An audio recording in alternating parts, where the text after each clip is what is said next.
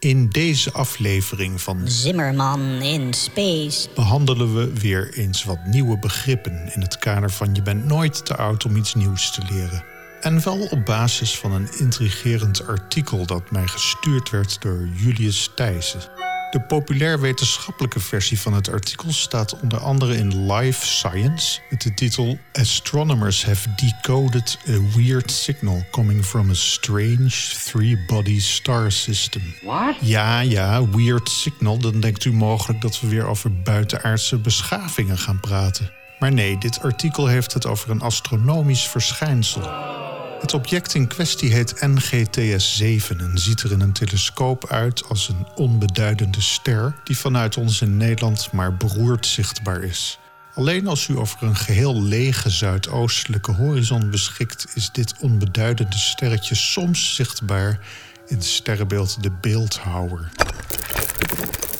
Maar astronomen bestudeerden de lichtcurve van deze ster met beter instrumentarium in Chili en zagen een sterke dip in de lichtsterkte die zich elke 16,2 uur herhaalde. herhaalde. Dat duidt op iets wat rond een ster draait. En 16,2 uur betekent vlakbij. We hebben het wel vaker over exoplaneten gehad, maar dit was geen exoplaneet. Serieus? Toen astronomen maar eens wat beter naar NGTS-7 gingen staren, werd duidelijk dat het hier een dubbelster betreft van twee redelijk identieke sterren, die dus om elkaar heen draaien. Maar dat gegeven op zich verklaart nog niet de dip in de lichtcurve. Wat bleek? Maar één van deze sterren wordt elke 16,2 uur eventjes afgedekt door iets groots wat er, zoals gezegd, relatief dicht omheen draait. Daarmee sluit al gelijk het boek voor wat betreft buitenaardse beschavingen. Want als u deze week dacht, gelukkig is het binnen lekker koel gebleven, weet dan dat wij ons op een afstand van nog steeds 150 miljoen kilometer van onze zon bevinden. Dat is iets heel anders dan relatief dicht bij een ster. Alhoewel toegegeven het woord relatief alles weer op losse schroeven zet, bedoelen we in dit geval toch echt dat de donkere begeleider in het dubbelstersysteem NGTS-7 min of meer geroosterd wordt door de ster waar deze omheen cirkelt. Eerst even die aanduiding, NGTS-7. Deze slaat op de Next Generation Transit Survey. Dit is een project waarvan de telescopen in Chili staan. Daar zijn de omstandigheden formidabel voor fotografische waarnemingen aan de nachtelijke hemel. De NGTS-telescopen werken onbemand. Dat wil zeggen dat ze als robottelescopen data vergaren. Dit project is met name op zoek naar de grotere exoplaneten rond heldere sterren. Want ruimtetelescopen zoals Kepler en Hubble richten hun oog vaak op relatief lichtzwakke objecten. Deze NGTS-telescoop is gevoelig in de band van 600 tot 900 nanometer golflengte. Dus dat is het rood en oranje van ons zichtbare licht. Sterren die hier binnenvallen heten ook wel K- of M-sterren te zijn. Uh, wat bedoel je met... Ja, wat bedoelen we daar eigenlijk mee? Astronomen delen sterren in in bepaalde klassen. In het begin van de vorige eeuw ontdekten wetenschappers dat er een verband bestaat tussen de kleur en de helderheid van sterren. Deze klassificatie staat nu bekend als het Hertzsprung-Russell-diagram, of ook al de Morgan-Keenan-indeling. Om historische redenen zijn er letters van het alfabet toegewezen aan bepaalde soorten sterren. In volgorde van warm naar koud zijn deze letters O, B, A, F, G, K, M. Warme O- en B-achtige sterren zijn blauwer en K- en M-sterren zijn roder. Onze eigen zon is trouwens een G-ster. Nog een interessant detail is dat er sterren zijn die binnen deze indeling vallen en ook wat exotische sterren die zich niet aan deze indeling wensen te houden. Not a chance. De OBAFGKM-sterren noemen we ook wel main sequence stars. De meeste bekende sterren in ons heelal zijn main sequence sterren. Oké. Even terug naar het onderwerp van vandaag. De dubbelsterren NGTS-7a en NGTS-7b zijn allebei M-type sterren. Maar wat draait er nou om NGTS-7a? Het object in kwestie noemen we een bruine dwerg. Een bruine dwerg is te groot om het nog een planeet te kunnen noemen, maar ook nauwelijks een ster. Want bruine dwergen hebben niet genoeg massa om waterstoffusie te kunnen ondersteunen. Iets wat de motor is van echte sterren.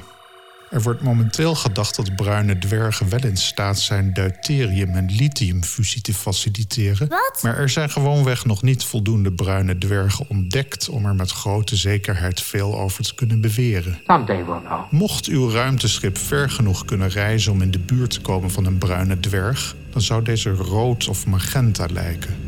Maar bruine dwergen geven weinig licht af, dus de zonnebril mag afblijven.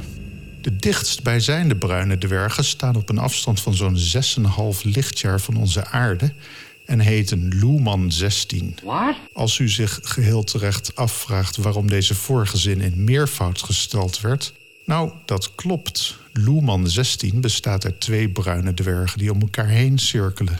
Gelukkig ben ik heel naïef en denk ik niet aan een of ander speciaal café waar bepaalde kleinere mensen naartoe gaan. Hens, Jezus. Oké, Ja, ja. hoe ontstaat nu zo'n bruine dwerg?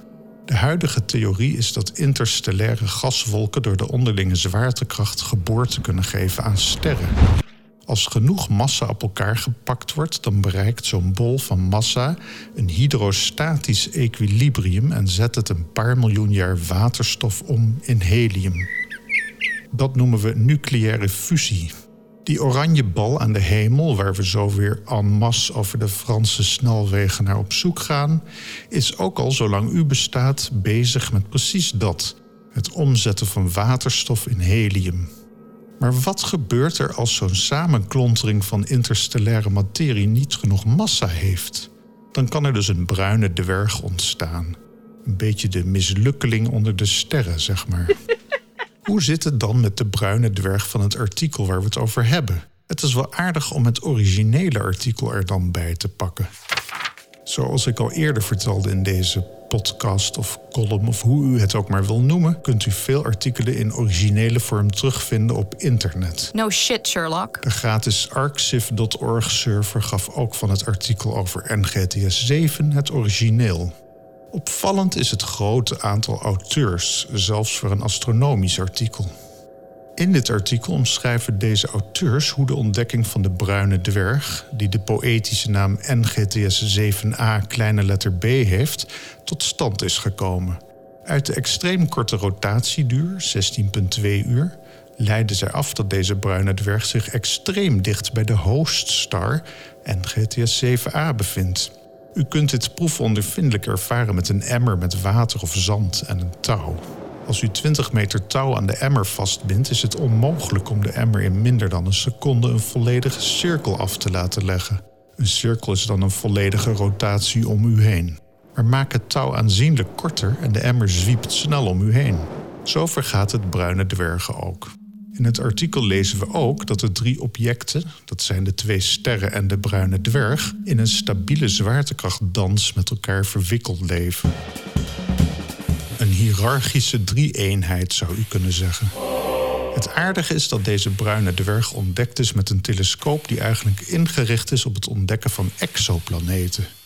NGTS 7a kleine letter b werd ontdekt door 130 nachten elke 13 seconden een foto te maken van de dubbelster. Dit gebeurde in 2016 en 2017. Door naar de lichtcurves te kijken ontdekten de astronomen nog iets interessants. Het fenomeen staat bekend als out-of-transit modulation. Wacht, wacht, wacht. Ja, dat klinkt interessant, maar wat betekent het? Transit staat voor die bedekking. Dat is het moment in de 16-uurige cyclus dat de bruine dwerg vanuit ons gezien de hoostster bedekt, oftewel er voorlangs beweegt. Modulatie is een extra signaal dat een bestaand signaal beïnvloedt. Out of transit wil zeggen dat tijdens de 16-uurige cyclus ook andere cyclische fenomenen worden waargenomen. Een mogelijke verklaring hiervoor is dat de sterrotatie van NGTS 7a gekoppeld is aan de rotatie van de bruine dwerg. En dat die out-of-transit gebeurtenissen dus bijvoorbeeld zonnevlekken zijn aan het oppervlak van de ster. Dit is op zich niet zo esoterisch. Ook in ons zonnestelsel zien we veel tidal locking.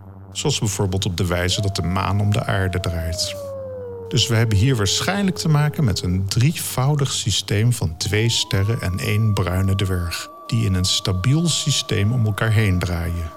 En hoe lang blijft dat nog duren? Nou, zeker niet voor altijd. Er wordt verwacht dat de bruine dwerg op den duur opgeslokt zal worden door de ster waar deze omheen draait. Dat ligt aan twee processen. Ten eerste is er sprake van getijdensynchronisatie, wat ook betekent dat er impulsmoment van de bruine dwerg naar de hoostster wordt getransporteerd.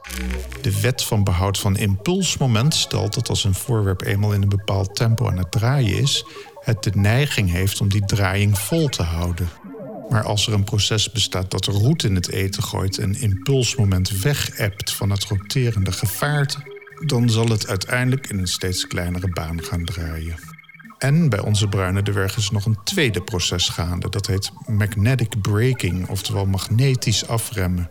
Via dit proces verliest de hoostster rotatiesnelheid en dat leidt ook weer tot degeneratie van de cirkel die de bruine dwerg beschrijft.